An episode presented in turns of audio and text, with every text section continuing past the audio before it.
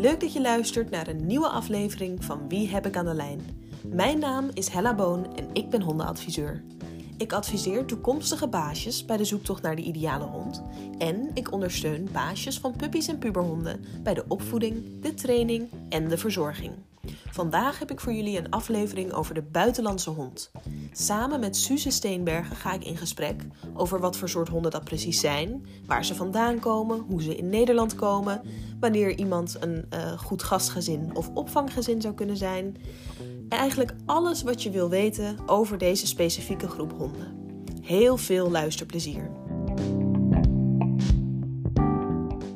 Welkom Suze bij deze aflevering van Wie heb ik aan de lijn? Uh, ik ben heel erg vereerd dat je erbij bent. Ik heb ongelooflijk veel zin in dit gesprek. Want uh, ik heb laatst een lesdag bij jou meege meegemaakt. En daar heb ik heel veel van geleerd. Dus ik heb heel veel zin om uh, ook die kennis die jij hebt over de buitenlandse hond nu te delen met mijn luisteraars. Zou je willen beginnen met een kleine introductie van jezelf en misschien die super lieve hond die bij je zit? ik ben nou, Suze Steenbergen. Ehm, ik ben al ruim 15 jaar heel actief in de wereld van de buitenlandse honden. Ik ben begonnen als vrijwilliger voor Stichting Dieropvang Bosnië. Uh, een geruime tijd bestuurslid geweest. En um, nou ja, ondertussen grote projecten gedraaid. Castratieprojecten op straat, educatieprojecten op scholen. En nu ben ik betrokken bij een project in Kaapverdië. Een soort gelijk project. Ook heel erg mooi voor straathonden voornamelijk. Um, en we hebben sinds vorig jaar um, nou, ons initiatief samen met Marleen van Baal de Buitenlandse Hond Inzicht uh, opgericht. Dat is een pagina, groep voor eigenaren, groep voor professionals en binnenkort ook een opleiding. En um, nou ja, we hopen daarmee uh, uh, de kennis te verbreden bij de voornamelijk hondenprofessionals, maar ook bij de eigenaren over omgang met, met de buitenlandse hond. Ja, want dat is echt jouw specialiteit, hè? Jouw expertise. Ja, ja, de buitenlandse herplaatser, daar heb ik het dan echt wel over. Want het gaat niet om de broodvolk-import, maar puur de herplaatsers uh, vanuit het buitenland, buiten Nederland. Ja, en hoe ben jij daar zo ingerold? Um, ik werd tijdens een vakantie in Thailand geconfronteerd met een hoop uh, leed op straat. En ik heb toen eigenlijk besloten niet meer op vakantie te gaan naar landen waar straathonden zijn. Omdat ik er gewoon echt, nou, ik werd er gewoon heel beroerd van. Um, en op een gegeven moment, dat is in een periode voor internet, dus ja, ja, er was ook helemaal eigenlijk niet zoveel bekend over stichtingen voor buitenlandse honden. Maar op een gegeven moment uh, kwam ik een uh, artikel tegen over Stichting Dieropvang Bosnië. En toen dacht ik, hé, hey, maar dit is mijn kans om goed te maken wat ik al die jaren heb laten liggen. En toen ben ik uh, meegegaan naar Bosnië, Tuzla. En dat was zo gigantisch indrukwekkend en eigenlijk wel traumatisch dat als je eenmaal dat pad hebt bewandeld, kan je nooit meer terug. Dus um, het is een enorme verrijking voor mijn leven dat ik dat allemaal heb mogen meemaken. Maar het is ook wel echt heel heftig wat je, wat je allemaal tegenkomt en wat je beleeft. Ja, dat kan ik me heel goed voorstellen. We hebben, vaak kennen we wel een beetje de beelden van inderdaad bijvoorbeeld de straathonden of beelden van uh, asielen in het buitenland. Um, vaak zijn ze niet altijd even positief. Ik vind het vaak een beetje een eenzijdig beeld. Uh, maar dat is gelijk ook natuurlijk waar, waarom wij vandaag met elkaar spreken. Want um, ik heb je volgens mij al wel vaker verteld, ik doe de aankoopbegeleiding voor mensen. En ik krijg de laatste tijd best wel vaak uh, vragen van uh, nou ja, toekomstige eigenaren die eigenlijk wel graag een hond willen redden. Die graag een buitenlandse hond willen opnemen, omdat ze nou ja, dat een fijner idee vinden dan bijvoorbeeld een puppy die gefokt is. Hè, dat ze een, kan, een tweede kans geven eigenlijk aan een dier. En ik vind dat zelf altijd heel erg lastig, omdat um, de wereld van, van stichtingen is een beetje een weerwar. En ik vind het heel erg lastig om daar mijn weg in te vinden. Um, en daarom wil ik eigenlijk vandaag met jou over dat onderwerp praten. Want de buitenlandse hond, is er zoiets als de buitenlandse hond? Nou ja, ja de enige gemeenschappelijke wat ze hebben is dat ze allemaal niet verwekt zijn in Nederland, laat het zomaar zeggen. En um, dat ze herplaatst worden. Dus dat het een hond is die een kans krijgt in een ander land. Maar voor de rest zijn er weinig overeenkomsten. Want ja, ieder hond is weer een, heeft een eigen karakter en een eigen persoonlijkheid. En het zijn allemaal individuen um, met andere achtergronden en andere start. Um, sommigen hebben in asielen gezeten, sommigen zijn rechtstreeks van straat gekomen. Dus je kan niet zeggen dat alle buitenlandse honden uh, moeite hebben met mensen of alle buitenlandse honden niet alleen kunnen zijn. Dat, is, ja, dat kan gewoon niet. Dus je moet echt kijken naar het individu en zeker bij aankoopbegeleiding is dat, uh, is dat heel belangrijk. En ik snap wat je zegt van de weerwar, want ik vind ook een weerwar uh, in Stichtingenland. Er zijn op dit moment geloof ik iets van 450 herplaatsende partijen. Niet allemaal geregistreerd als stichting. En um, ja, dat is super ingewikkeld. Wij hebben er ook een e-book voor gemaakt om uh, mensen te helpen. Ja, stapjes te doorlopen waar ze op kunnen letten. Maar zelfs dan nog kan je met een mismatch te maken krijgen. Dat is echt heel erg lastig. En dat is ook een beetje de reden dat ik er in het begin mijn vingers niet aan durfde te branden. Omdat ik dacht, ja, ik heb er gewoon en zelf te weinig kennis van. Um, en het is voor mij gewoon lastiger te doorgronden uh, dan bijvoorbeeld de fokkers. Het is, ook dat kan lastig zijn. Hè? Een goede fokker onderscheiden van betrouwbare fokker onderscheiden van een broodfok kan lastig zijn. Maar toch heb je daar redelijke handvaten voor. En met stichtingen, ja, er zijn dan een aantal, bijvoorbeeld zoals die Ambi-keurmerken. Nou goed, of, certificering eigenlijk. Maar daar, daar weet ik zo weinig van. Ik vind dat zo lastig om daar uh, iemand echt een goed advies over te kunnen geven. Want er is gewoon ook niet, in, voor zover ik dat uh, kan vinden, nog niet heel veel duidelijk over wat nou precies de richtlijnen zijn. Of wat een stichting nou wel of niet kan maken. In ieder geval is het lastig om erachter te komen wat die richtlijnen zijn. Ja, nou, er zijn ook geen echte richtlijnen. En um, um, het is vrij gekleurd, hè? want ik kan wel vinden dat iets heel belangrijk is, maar ja, voor iemand anders is dat misschien minder belangrijk. Maar er zijn wel een aantal zaken waar je echt wel op, op kunt letten als je een keuze gaat maken. Um, ja, en dat is voor een consument best heel ingewikkeld. Daarom is het zo belangrijk dat, dat meer hondenprofessionals zich daarop gaan richten. Um, omdat zij dan die kennis kunnen vergaren en dat kunnen gebruiken om mensen aan de juiste hond te helpen. Want voor consumenten is het sowieso niet meer uh, uh, duidelijk waar ze terecht kunnen.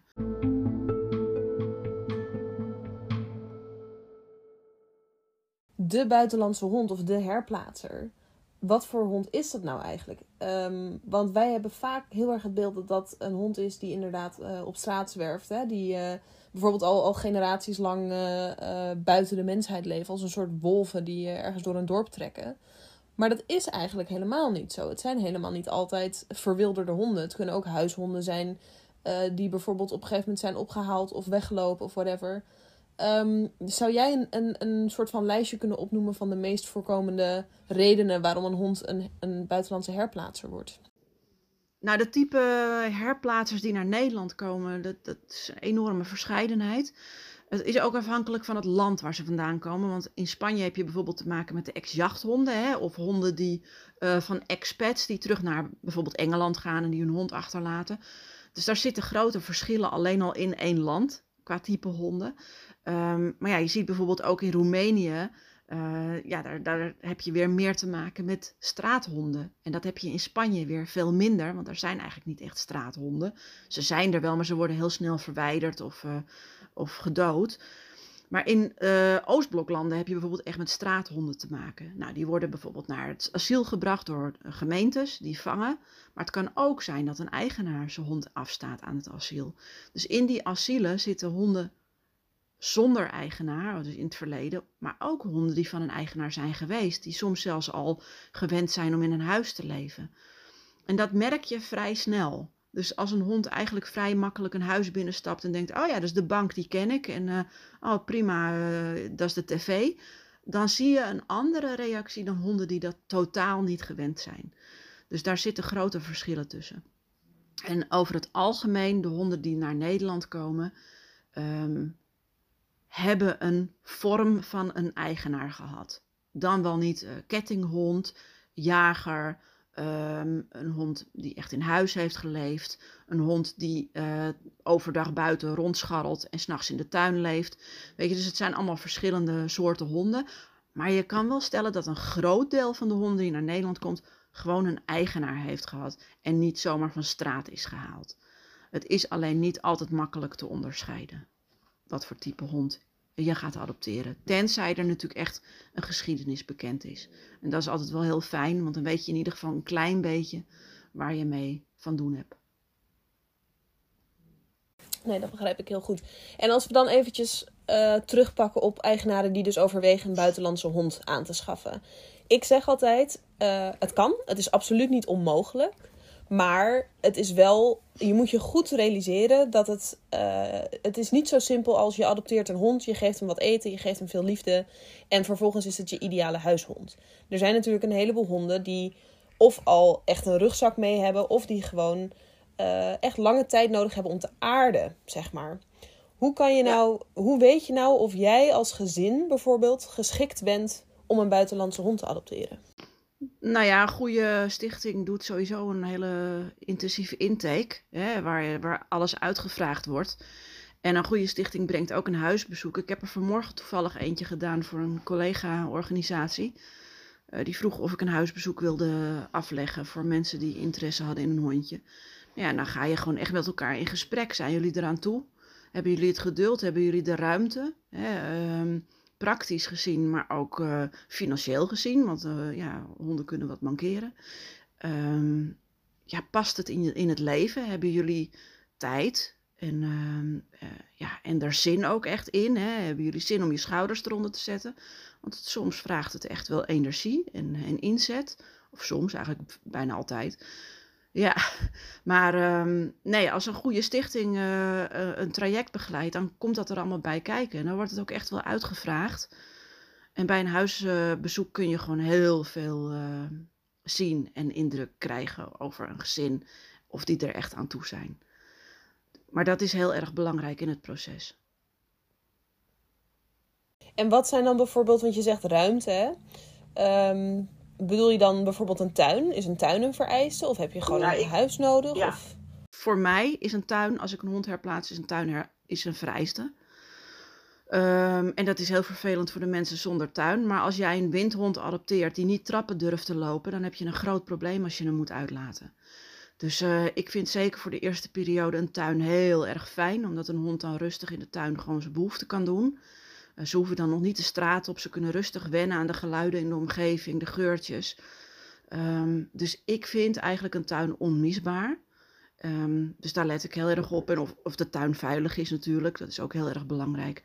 Maar ook ruimte is ook uh, plek voor een, een, prettige plaats om te rusten, waar die uh, niet gestoord wordt. Uh, niet in de gang bijvoorbeeld onder de kapstok waar iedereen langs loopt. Of vlak onder de tv waar de, die de hele tijd staat te tetteren. Dus uh, dat zijn allemaal dingen waar ik wel met uh, adoptanten doorheen loop. Van hoe zit jullie huis in elkaar en wat zijn de plannen? En hebben jullie nagedacht over um, ja, de opstelling waar de hond gaat slapen en dat soort dingen. Dus dat loop je wel allemaal door. -hmm. En um, ik heb altijd geleerd, of tenminste altijd, ik heb geleerd dat uh, als je een buitenlandse hond wil adopteren, dat het eigenlijk het beste is om al een stabiele hond in het gezin te hebben. Dus dat je niet een buitenlandse hond adopteert in een huishouden waar nog geen hond is, omdat ze dan helemaal geen steun kunnen vinden en misschien veel moeilijker kunnen aarden. In hoeverre is dat waar? Het kan, maar het hoeft niet per definitie. Ik ken, ik ken zat honden die geadopteerd zijn als enige hond, waar het prima gaat. Uh, er zijn ook veel honden die wel degelijk behoefte hebben aan wat begeleiding. Hè. Uh, ik noem het altijd een beetje inwerken. Uitleggen hoe zo'n huis in elkaar steekt, dat kunnen honden onderling gewoon hartstikke goed. Maar ja, het moet wel klikken. En hoe stabiel is de hond die je hebt al echt stabiel? Weet je, want dat is ook, mensen vinden dat vaak van hun eigen hond. Maar dat is niet altijd zo. En zit die hond wel op een extra maatje te wachten? Dan moet je je ook maar afvragen. Um, dus dat zijn dingen waar je allemaal rekening mee moet houden. Ik vind het zelf, het kan prettig zijn, een hond al aanwezig. Maar het is niet altijd per definitie nodig. En kan je een beetje um, inzicht geven in, in hoe dat dan gaat? Stel je hebt een uh, buitenlandse hond, je bent door de screening heen. Die hond die, die moet bijvoorbeeld vanuit uh, nou ja, een plek, noem een plek, naar Nederland komen. Hoe, gaat zo'n, hoe ziet zo'n transport er precies uit? Het hangt een beetje van het land af. Je hebt uh, transporten over de weg via busjes. Um, je hebt dan weer legaal of illegaal. Daar zit natuurlijk ook een verschil tussen. Uh, of per vliegtuig, dat kan ook. Dus het is een beetje afhankelijk van uh, wat de snelste en of goedkoopste route is. Um, kijk, in, ik vind over het algemeen, zeker bij mensen die nog geen buitenlandse hond hebben gehad, die nog weinig ervaring hebben, dat het verstandiger is om een hond te adopteren vanuit een gastgezinssituatie. Dus liever niet direct eh, bij de aankomst een hond al ophalen. Omdat het gewoon echt heel heftig kan zijn. Weet je, die hond is moe van een reis, is ontheemd, letterlijk. Weet niet waar die terecht is gekomen, snapt er allemaal niet zoveel van. Kijk, als je een hele makkelijke, relaxte hond adopteert, uh, dan is het geen probleem. Maar als je een hond hebt die in, onder de indruk is, dan kan dat best heel erg eh, heftig zijn. Zeker de eerste dagen. Dus ik vind het altijd wel fijn als een uh, gastgezin dan tussenstation is. En niet voor een paar dagen, want daar heeft zo'n hond niet zoveel aan, maar echt wel voor een paar weken, liefst een maand, twee maanden. En mensen vinden het dan wel eens sneu dat een hond weer moet wisselen van adres. Uh, en ja, soms hebben ze dan ook een kleine terugval, maar je ziet dat de basis, als je bij een goed gastgezin bent geweest, is die basis zoveel beter en herstelt de hond zich veel sneller. Dus uh, het is makkelijk om dan al uh, een hond te hebben die bijvoorbeeld weet hoe die aan een lijn uh, kan lopen en dat dat allemaal geoefend is. Dus ik vind het zelf verstandiger. Maar goed, het is een keus. Als iemand dat niet wil, dan, dan kan het natuurlijk ook direct. Ja, ik denk het kan natuurlijk ook goed zijn. Zo'n gastgezin uh, die heeft misschien op een gegeven moment een, een, bepaalde ervaringen. Die weet inderdaad hoe om te gaan met die heftige situaties. En als je zelf een hond wil aankopen en je hebt een soort droombeeld in je hoofd van oh, dit is wat het moet worden. En als het dan heel anders is, dan, dan heb je misschien meer aan inderdaad twee maanden later een hond krijgen die toch al een bepaalde basis heeft. Of toch al ja. iets minder heftig is. Dan dat je meteen denkt, oh, dit gaat nooit worden wat ik zou willen.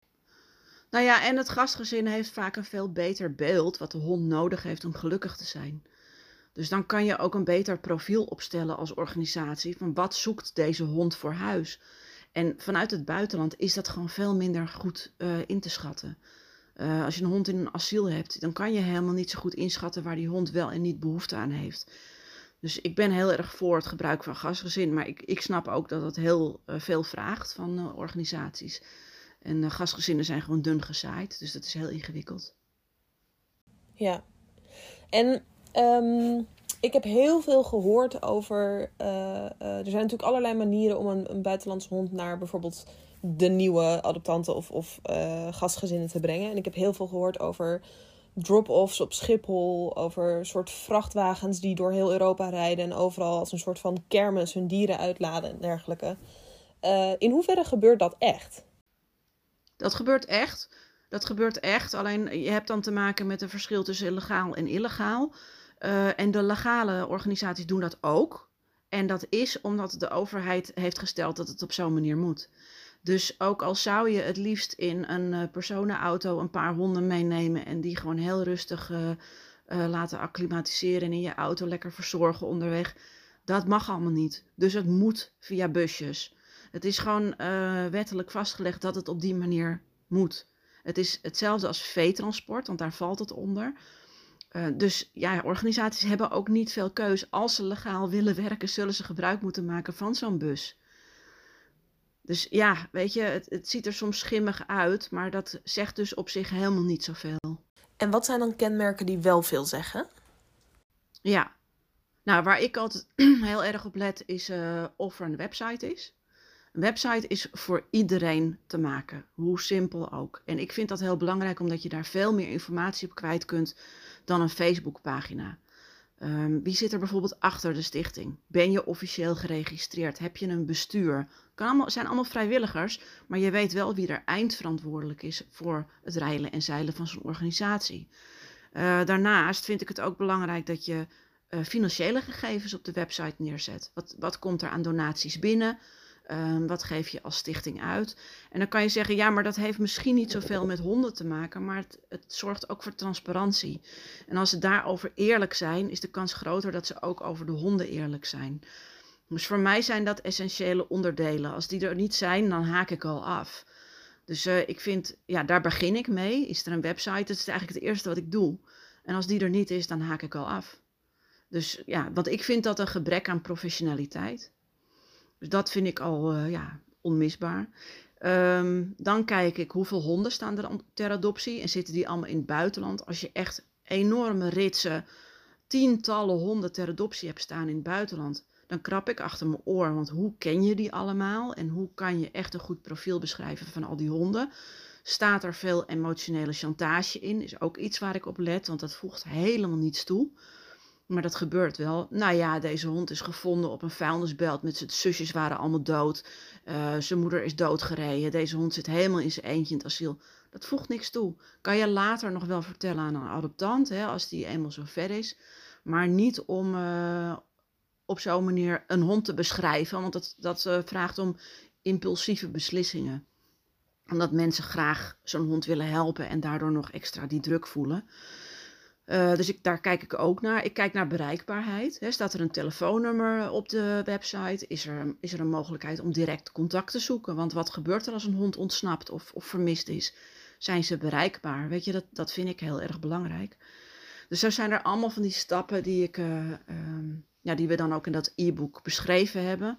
Uh, en dat is echt heel, heel handig om door te nemen, ook voor adoptanten, maar ook voor professionals omdat je dan weet waar je allemaal op moet letten. En zelfs dan kan je nog met een stichting te maken hebben die het aan de buitenkant allemaal heel mooi geregeld lijkt te hebben. Maar achteraf uh, eigenlijk niet zo'n hoge kwaliteit heeft van plaatsingen. Ja, want het is natuurlijk ook, um, het is ook gewoon, gewoon geld. Er zit gewoon geld achter. En dat is natuurlijk ja. wat het zo vervelend maakt. Want je hebt natuurlijk mensen die keihard werken voor het welzijn van de hond. En je hebt mensen die keihard werken omdat het gewoon geld oplevert. Ja, nou ja, dat is het nadeel. Er zitten binnen stichtingenwereld een aantal handelaren. Uh, en die werken onder de vlag van een stichting die heel goed uh, engelachtig werk doet. Maar ondertussen zijn het gewoon handelaren. Het is niet anders dan een broodfokker. Uh, maar voor een consument is dat niet te herkennen. Dus ja, als je dat allemaal zo bekijkt wat ik net opnoem, dan lijkt dat alsof zo'n stichting heel goed is. Maar als je gaat googelen op uh, ervaringen met die stichtingen, dan komt er van alles naar boven. Dus dat is ook altijd wel goed om te doen. Even googelen op ervaringen. Als de stichting echt uh, slecht werk verricht, dan komt dat altijd wel naar boven. En, en wat kan een um, toekomstige eigenaar nu doen op het moment dat je dus, uh, je hebt zo'n screening gehad. Nou, of eigenlijk je hebt een goede stichting gevonden, je hebt zo'n screening gehad. Je weet dat je hond eraan gaat komen. wat kan je doen rond je huis of bijvoorbeeld uh, afspraken met je familie? Of, of hoe kan je voorbereiden op de komst van de buitenlandse hond? Nou, je moet sowieso uh, zorgen dat je zelf heel veel vrije tijd hebt uh, en ruimte om de hond te laten wennen. Um, dat moet je echt gaan inrichten, want je bent niet met twee weken klaar. Dus het is fijn als je wat langer de tijd hebt om zo'n hond echt te laten acclimatiseren en te laten landen. Um, het is heel belangrijk om te zorgen dat je een veilige tuin hebt, zodat er een hond niet kan ontsnappen in de tuin. En dat geldt ook bij de voordeur. Sluisjes maken, bijvoorbeeld met babyhekjes of ja, wat dan ook. Om maar ervoor te zorgen dat de hond niet kan ontsnappen op een onbewaakt ogenblik. Want dat gebeurt helaas echt te vaak. Ik spreek altijd af als ik voor mezelf, als ik met een hond, uh, als ik een hond hier krijg, uh, dat ik de eerste periode gewoon geen bezoek wil. Dus ik wil eerst zorgen dat hij helemaal gewend raakt aan ons gezin, met wie die samenleeft. Um, en na een tijdje, als ik denk van nou, er komt wat ontspanning, dan vraag ik mensen die ik vertrouw, waarvan ik weet dat ze naar me luisteren als ik instructies geef. Want dan kan ik kijken hoe reageert een hond op bezoek. Niet iedere hond vindt dat fijn. En het is wel fijn om dat te kunnen uh, ervaren met iemand waarvan je weet dat hij er goed mee omgaat. En in het begin, uh, ja, ik bouw het allemaal heel rustig op. Dus ik ga niet meteen uh, wandelen met een hond. Ik laat ze eerst scharrelen in de tuin. En als ik zie dat ze ontspannen worden, dan gaan we eens naar de overkant van de straat. En als ik zie dat daar ontspanning begint te komen na een tijdje, dan gaan we een klein rondje. En allemaal dat doe ik net zo lang tot ik zie dat er weer een stapje ontspanning komt. En dat kan echt weken, zo niet maanden, soms zelfs jaren duren. Het, sommige honden zijn gewoon echt zo onder de indruk en zijn door hun stress niet in staat om te leren hoe hun nieuwe leven in elkaar zit. En dat vraagt gewoon ongelooflijk veel tijd. Dus daar moet je je leven wel op in kunnen stellen. Net als dat je je af moet vragen van wat als deze hond niet alleen kan zijn in de toekomst. Heb ik dan een vangnet? Heb ik daar de mogelijkheden voor? Is dat een groot probleem? Als het een groot probleem is, nou, dan moet je er niet aan beginnen. Ja, ik ben niet zo voor het plaatsen bij, bij jonge kinderen ik kijk zelf altijd pas vanaf een jaar of twaalf, omdat je die uh, beter kan uh, instrueren. Maar je hebt ook uitzonderingen en die ken ik ook. Kinderen die van jongs af aan opgegroeid zijn met honden en heel goed weten wat ze wel en niet mogen. Dus ook daar is het heel belangrijk dat je kijkt naar het gezin en uh, hoe die daarmee omgaan. En dat, dat merk je bij een huisbezoek altijd heel snel als je bijvoorbeeld een hondje meeneemt als je op huisbezoek gaat. En dat doe ik dan vaak zonder afspraak. Dus ik neem dan de hond mee als ze nog geen hond hebben. En dan zeg ik, ja, ik had geen oppas, dus ik heb de hond meegenomen. Nou, en dan zie je al heel snel hoe er gereageerd wordt. Dus dat, ik vind dat altijd wel een hele goede test. Omdat we hebben wel eens meegemaakt dat een gezin reageerde op een van onze honden. En uh, dat klonk allemaal fantastisch. En een van de vrijwilligers is met de hond daar naartoe gegaan. En een van die kinderen begon keihard te gillen. En toen zei die moeder, ja, ik heb het niet verteld, maar mijn dochter is heel bang voor honden. Uh, dus we dachten, we nemen een hond om haar van de angst af te helpen. Dus, nou ja, dat, uh, dat is niet doorgegaan. Dus dan weet je meteen waar je aan toe bent. Heftig. Wel. Ja. Ja, maar het zijn consumenten, ze willen iets en ze hebben een be bepaald beeld voor ogen. En het is belangrijk om daar realistisch in te zijn. En qua spullen, qua bijvoorbeeld indeling in het huis. Uh, ik werk met jonge honden ook uh, graag met, uh, met babyhekjes en hè, rustplek ja. voor de hond en dergelijke. Hoe zit dat voor buitenlandse honden? Zijn daar nog speciale dingen mee? Nou ja, ik kijk ook altijd wel, vooral bij een huisbezoek, en ik vraag het ook altijd, hoe is jullie huis ingedeeld? Kan je bijvoorbeeld een aparte ruimte creëren voor een buitenlandse hond? Um, of voor een hond eigenlijk in het algemeen. Uh, dat een hond het zich terug kan trekken als hij daar behoefte heeft. Of dat hij de ruimte heeft om rust te pakken als jij vindt dat het nodig is. Um, ik werk zelf ook veel met babyhekjes. Ik ben zelf niet zo'n hele grote fan van benches. Maar ik weet ook dat het heel goed kan werken. Uh, als je gewoon zorgt dat het een veilig holletje wordt met het deurtje open. Uh, je geeft daar wat lekkers in iedere keer. Dan, dan leert een hond ook dat dat zijn bed is. Dus het kan absoluut heel, uh, heel prettig zijn. Is dat dan ook misschien een verschil met, um, nou ja, kijk, puppies en jonge honden, die kan je natuurlijk vrij snel laten wennen aan een bench. Maar ik kan me voorstellen dat zo'n hond die misschien in een kennel heeft geleefd of gewend was om in een hele kleine ruimte te wonen met meerdere honden, ja, dat zo'n bench gewoon echt niet leuk is. Nee, en de reis is ook geweest. Hè? Dus die reis is uh, soms wel uh, 24 uur dat ze in een kleine kennel zitten in een bus ja, dat, dat, dat die ervaring plakt echt, echt wel een hele tijd in, uh, in zo'n hond. Dus nee, ik ben, daarom ben ik niet zo heel erg voor het gebruik van een bench. Alleen ik weet gewoon dat als je het goed afdekt en je maakt er echt een lekker holletje van. Uh, en ze leren het op een rustige manier zonder dwang. Dan kan het een hele fijne plek worden. Dus, maar ik kijk altijd samen met eigenaren. Wat is een fijne plek om, om de hond rust te geven? Uh, wat is voor jullie handig hè, qua looproutes in huis en waar komt iedereen binnen? De ene huis komt achterin in de keuken, iedereen binnen, de andere bij de voordeur. Dus je moet daar allemaal naar kijken. Waar de hond het meest rust uh, krijgt. Ja, en soms, uh, als dat kan, zelfs een aparte kamer. Weet je, waar een hond zich terug kan trekken. Of een bijkeuken of zo. Maar dat is echt afhankelijk van de ruimte. Wat zijn de de grootste zeg maar, probleemgedragingen die je tegenkomt uh, met, met honden die dus vanuit het buitenland ineens in Nederland in een woonhuis moeten gaan wonen? Nou ja, meest, zindelijkheid valt meestal wel mee, want dat leren ze vrij snel, omdat de meesten ook in kennels uh, zindelijk zijn. Ze vinden het heel onprettig om in hun eigen kennel alles te moeten doen, dus dat, dat werkt vaak wel redelijk snel. Maar waar ze wel moeite mee hebben in het begin is geluiden. Alle nieuwe geluiden die ze horen, daar moeten ze aan wennen. Uh, mensen die opeens voor hun raam langslopen, dat vinden ze natuurlijk best, ja, dat kan best pittig zijn. De bel, hè, die opeens gaat, uh, bezoek, dat vinden ze vaak echt wel, uh, nou, heel veel honden hebben daar echt wel last van. Leren lopen aan een lijn kan een, kan een uitdaging zijn. honden ontmoeten op straat terwijl ze aan een lijn zitten. Dat is ook voor heel veel honden uit het buitenland spannend, omdat ze gewend zijn vrij te manoeuvreren in het buitenland. Hè? Of dat nou in een asiel is of op straat. Ze zijn gewend om uh, zelf te kunnen kiezen of ze wel of niet de confrontatie aangaan. En als honden aan een lijn zitten, hebben ze die ruimte niet. Dus je moet je als eigenaar ook echt bewust zijn van, die, uh, van dat effect van zo'n lijn en, en hoe jij daar een rol in kan spelen. En ik vind dat ook een taak van een stichting om daar voorlichting over te geven. He, hoe ga je om met dit soort situaties? Ja, ja. En uh, ik kan me ook goed voorstellen dat je natuurlijk met honden die uh, met heel veel in een asiel hebben gezeten, dan misschien ook een bepaalde mate van voernijd of resource guarding hebt. Ja, of niet, of niet durven eten, dat kom ik ook heel vaak tegen.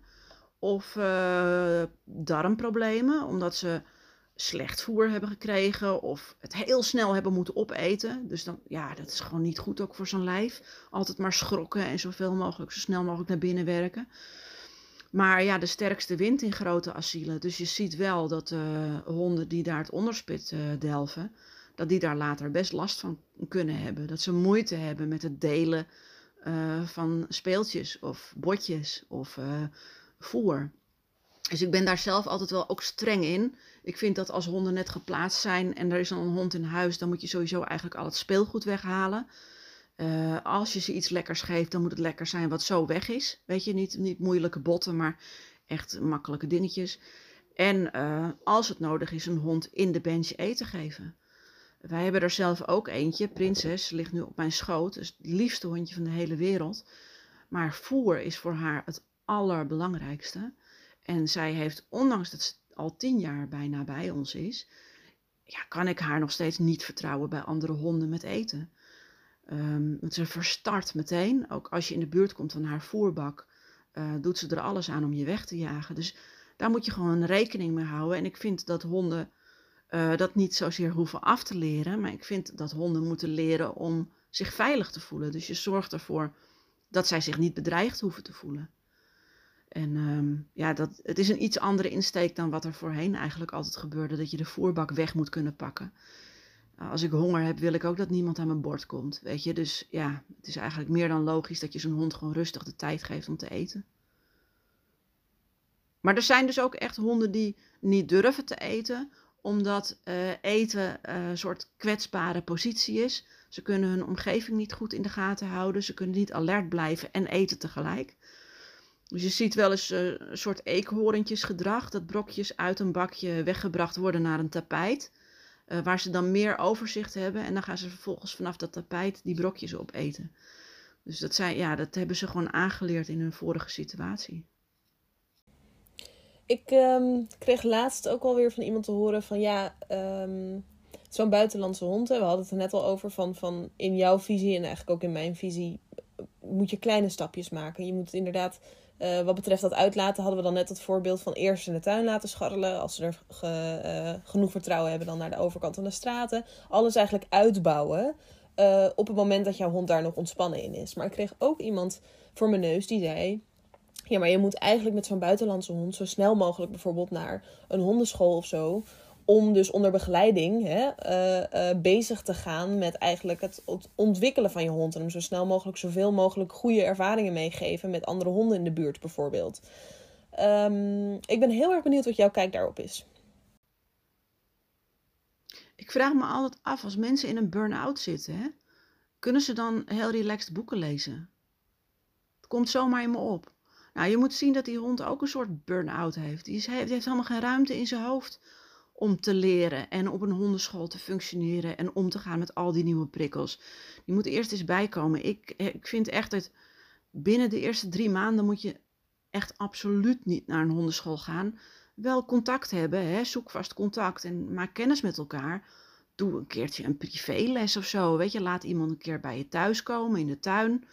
Um, dat je elkaar alvast kent, dat ze de hond kennen, dat soort dingen. Maar je moet zeker niet meteen naar een hondenschool. Kijk, en tuurlijk zijn er uitzonderingen. Er zijn honden die super makkelijk en relaxed zijn en die alles meteen kunnen. Um, maar wat je dan heel vaak ziet, is dat die honden zichzelf gigantisch voorbij galopperen. Dat niemand dat doorheeft en dat na een paar maanden je een hond hebt met die alsnog kortsluiting heeft en constant uitvalt naar alles en iedereen. Omdat zijn hoofd zo vol stress zit en, en uh, prikkel, uh, prikkels die hij niet meer kan verwerken. Um, dus nee, neem gewoon de tijd. Waarom die haast ook? Weet je, in principe is het nog voor jaren. Dus waarom zou je dan al zo snel alles willen? Doe gewoon eerst rustig. En er zijn ook heel veel leuke dingen online hoor. Die, uh, leuke artikelen en leuke oefeningen die je kan vinden van mensen die gespecialiseerd zijn in buitenlandse honden. Dus waarom dat niet eerst? Gewoon lekker samen een beetje in huis scharrelen en aan elkaar wennen. Ik denk dat dat deels komt uh, omdat het denk ik nog niet bij iedereen bekend is. Dat je dus bijvoorbeeld uh, specialisten hebt op het gebied van buitenlandse honden. Het is toch vaak van, oh we gaan naar de hondengedragsdeskundige of we gaan naar de hondenschool.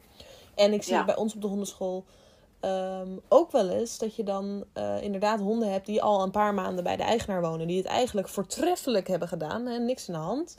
En die dan toch ineens van het een op het andere moment eigenlijk de druppel die de emmer doet overlopen, zeg maar. En Ja. dan ineens overal naar uitvallen. En, eh, en, en, en dat vind ik eentje die ik altijd heel interessant vind. De uitspraak. Ja, hij, vindt, eh, hij of zij vindt honden nu ineens niet meer leuk. Terwijl ze hebben in een asiel gewoond met honderden andere honden. Dus Ja. hoezo zijn ze niet sociaal? Nou ja, in het asiel staan ze op eh, stand overleven met oogkleppen op. En eh, daar zijn ze helemaal niet allemaal even gelukkig. Weet je, dus eh, het, is, het is zaak om hem in de nieuwe situatie juist veilig en gelukkig eh, te laten voelen. En denk je, ehm, er is natuurlijk ook een beetje een lobby van mensen die zeggen: we willen juist geen buitenlandse honden naar Nederland halen, want eh, ehm, we moeten dat niet willen, zeg maar. Hier zitten de asiels al vol, of eh, nou, dergelijke uitspraken. Daar hebben we het toen in jouw lesdag natuurlijk ook al over gehad. Ehm, in hoeverre denk jij dat de buitenlandse hond ooit echt zal verdwijnen dan uit het straatbeeld? Het hangt van de wetgeving af. Kijk, er is, ehm, het is nu zelfs meer dan een lobby. Eh, Er is echt wel een, eh, een haatcampagne op dit moment. En eh, dat is ook binnen de overheid. Die proberen met allerlei manieren om import van honden tegen te werken. Door wetgeving steeds zo aan te scherpen dat het eigenlijk niet meer haalbaar is om legaal te werken. Dus daarmee eh, stimuleren ze illegaal importeren en ze stimuleren daarmee ook de broodfok, hè, want mensen willen honden. Er is een jaarlijkse vraag naar een normaal jaar, niet een coronajaar, maar een normaal jaar is een jaarlijkse vraag van 180.000 nieuwe honden in Nederland. Ehm, daarvan is 100.000 eh, is broodfok, dus dat is dan een groot deel. Ehm, de normale zeg maar, rasfokkerij levert ongeveer 25.000 honden. En de buitenlandse hond zal nu rond de 30.000 liggen. De rest is oepsnestjes, asielhonden, herplaatsingen, dat soort dingen. Maar het valt dus reuze mee, het aandeel van de buitenlandse hond. Ehm, alleen de rasfokkerij voelt het blijkbaar als een bedreiging. Want er valt gewoon geen geld genoeg te verdienen. En dat merk je gewoon heel erg. Ehm, daar is echt wel een flinke lobby op dit moment. Maar ik denk dat als er vraag blijft ehm, en er is geen aanbod vanuit het buitenland, dan eh, zullen eh, broodfokkers wel varen. En asielen zullen dicht, dichtgaan, want in de asielen zitten geen honden bijna. Ik vraag me altijd af, die mensen die dat roepen, zijn die wel eens in asielen geweest in Nederland? Want de meeste zijn gewoon echt eh, amper vol of zelfs leeg. Ik ken daar nu een aantal die zijn gesloten omdat er geen honden meer waren. Zeg maar opgeheven. Ja, en dat vond ik wel interessant. ehm, dat vond ik interessant ook van de lesdag. Dat ik hoorde dat er dus ook asielen zijn die dus samenwerkingen aangaan met stichtingen. Om dus Ja. hun kennels te vullen met honden die een tweede huis Ja. zoeken. Daar had ik nog nooit van gehoord.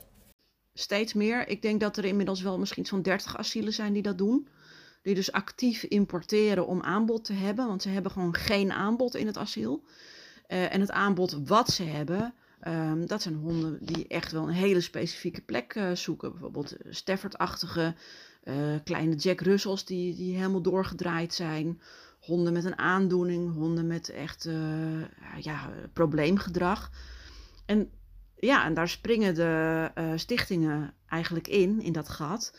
En dat is natuurlijk een beetje ja, tricky, want het moet wel zo zijn dat het profiel wat beschreven wordt wel eerlijk is. En daar, daar zit nog wel eens wat spanning. Want ehm, ja, sommige honden uit het buitenland hebben ook echt wel probleemgedrag. Dus dan, als je dan zou moeten kiezen tussen een hond uit Nederland of uit het buitenland, dan gaat het eigenlijk gelijk op qua probleemgedrag.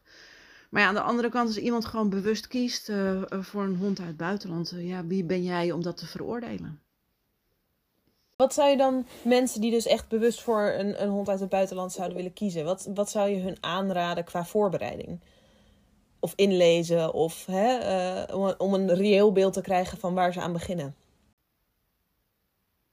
Nou ja, ik vind eh, nou, een stukje zelfreclame, want dat is echt wel een heel belangrijk initiatief. Buitenlandse Hond in Zicht. De website is bijna klaar. Eh, we hebben de pagina op Facebook, De Buitenlandse Hond. Nou, daar staat allerlei informatie op. En we werken met een aantal hondenprofessionals in ons kernteam. En dat zijn allemaal mensen die echt gespecialiseerd zijn in buitenlandse honden. Eh, en dat vinden we heel belangrijk, om, omdat we. En we vinden dat zij een podium verdienen. Maar zij zijn ook gespecialiseerd en hebben een heel andere visie op de buitenlandse hond dan wat je gemiddeld langs ziet komen. meer eh, oog voor welzijn. Ehm, ik vind maakbaarheid zelf een heel belangrijk thema. Want als jij een uh, Podenco of een windhond adopteert, moet je je beseffen dat die waarschijnlijk niet los kan. Als jij heel graag een hond wil die, die los moet kunnen lopen, dan moet je wel nadenken: oké, wat voor hond past dan bij mij? En je ziet gewoon dat mensen gewend zijn, en ik chargeer natuurlijk, dat mensen gewend zijn om te krijgen wat ze willen. Hè? Dat is gewoon consumentengedrag. Um, en die gaan shoppen en dan valt het tegen omdat een hond niet zo maakbaar is als dat zij hadden gewild. Ja, en ik vind dat daar echt wel wat meer aandacht voor mag komen. Um, maar ik vind vooral dat ze moeten kijken op, op dit soort platforms om zich goed in te lezen. En uh, online cursussen volgen. Hè? Wat doe, hoe doe ik het de eerste periode met mijn hond? Um, ja, allemaal dat soort dingen. Dat kan echt helpen om een goede start te maken. Ja, ja, absoluut. Helemaal mee eens. Ik zit ook nog te denken of er nog um, vanuit, want ik weet natuurlijk dat, dat uh, DOA, daar heb ik ook eerder een podcast opgenomen, dus de Dierenopvang Amsterdam, die doet ook veel voorlichting. Niet, niet zozeer buitenlandse honden, maar ook veel voorlichting inderdaad over als je een herplaatser wil adopteren. En um, in die zin zijn er natuurlijk heel veel, als je het weet, zijn er heel veel mogelijkheden om uh, kennis te vergaren. Ja. Ja, we zijn bezig met een eigenarencursus, want uh, het, er is echt nog wel winst te behalen. Weet je, mensen onderschatten het uh, toch. Die hebben een soort rosse wolk en, en die krijgen vervolgens een soort huilbaby in huis. En ik zeg ook altijd, als je een hond adopteert uit buitenland, ga ervan uit dat je twee weken niet slaapt. Dan kan het alleen maar meevallen. Maar weet je, eh, echt, bereid je voor op dikke ellende. Een sloper, uh, een hond die niet zindelijk is, die uh, nerveus is, die gaat drentelen s'nachts. Je moet je gewoon echt op van alles voorbereiden. En hoe ga je daarmee om? Kan je dat handelen in jouw leven? Als dat antwoord allemaal ja is, nou prima, doen. ik ben voor, want ik zit in team buitenlandse hond. Maar uh, wees alsjeblieft wel goed voorbereid, zodat het niet een mismatch wordt, waardoor de hond straks weer ja, zo'n pingponghond wordt. Want daar zijn er al genoeg van in Nederland. Wat kan iemand nou doen die zegt, joh, um, ik voel heel erg mee voor die buitenlandse hond. Ik wil graag helpen, maar ik, uh, ik wil er geen adopteren. In die gelegenheid ben ik niet. Wat zouden ze dan kunnen doen? Want ik weet dat jij, volgens mij, uh, ook een soort webshop hebt, toch? Waarvan de, de opbrengsten daar naartoe gaan. Ja, nou, ik heb, wij hebben de 50-50 shop uh, SDB. Dus 50-50 shop steunt dieren met bestellingen. Uh, wij maken van alles, van hout, stof, uh, noem maar op. Ik maak zelf heel veel snuffelmatten. Hele gekke. allemaal gerecycled materiaal met babyspulletjes erop en van jeans en al dat soort dingen. Dus wij werken eigenlijk alleen maar met gerecyclede materialen. Fred, mijn man, werkt met, uh, veel met hout. Dus die maakt uh, hondenmanden, vleermuiskasten, vogelhuizen, nou noem het op. Uh, hebben we al een keer gemaakt, tuinbanken, van alles. En daarvan gaat 100% naar het goede doel. Um, dus we doen het zelf vrijwillig en materiaal is bijna allemaal gratis, omdat we recyclen. Dus dat scheelt een hoop. En um, ja, wat wel is, link is, is dat er uh, stichtingen heel vaak roepen, wij, doen, wij werken aan de bron. En dat is altijd heel sexy, klinkt dat. Hè? werken aan de bron en wij helpen in het land ter plaatse. En, maar heel vaak is dat niet het geval. Dat lijkt dan zo. Um, maar dan sponsor je bijvoorbeeld castraties voor honden die uiteindelijk naar Nederland gehaald worden.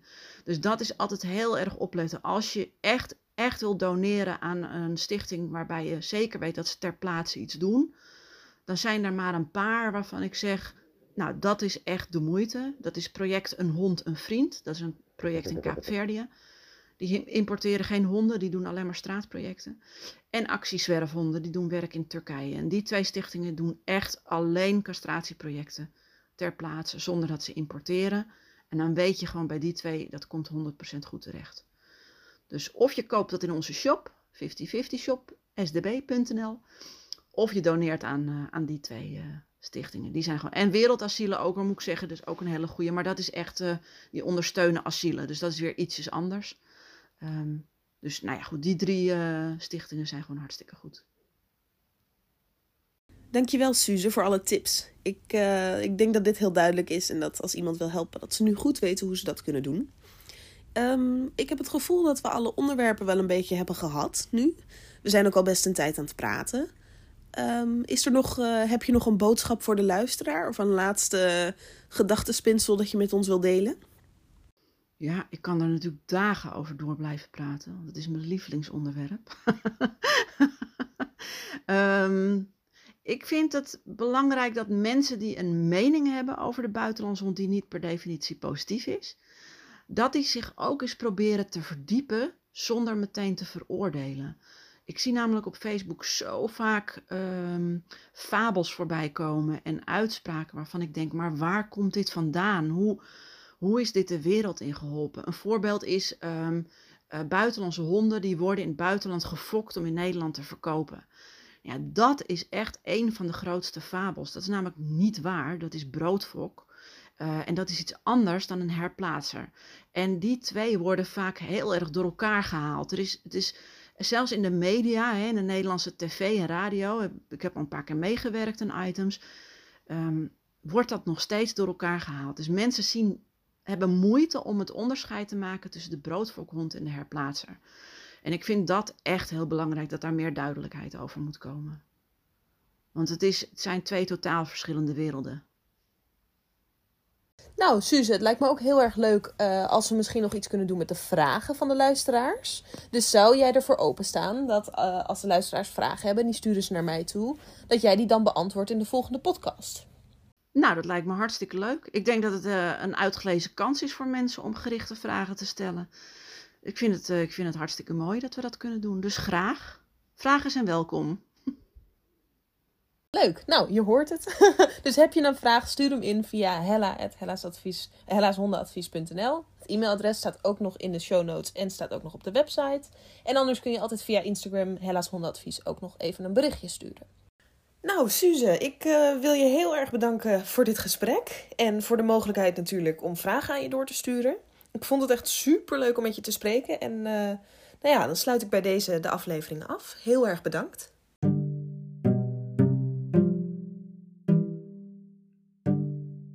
Dat was hem alweer voor deze aflevering. Heel erg bedankt voor het luisteren. Ik hoop dat je het leuk en leerzaam vond.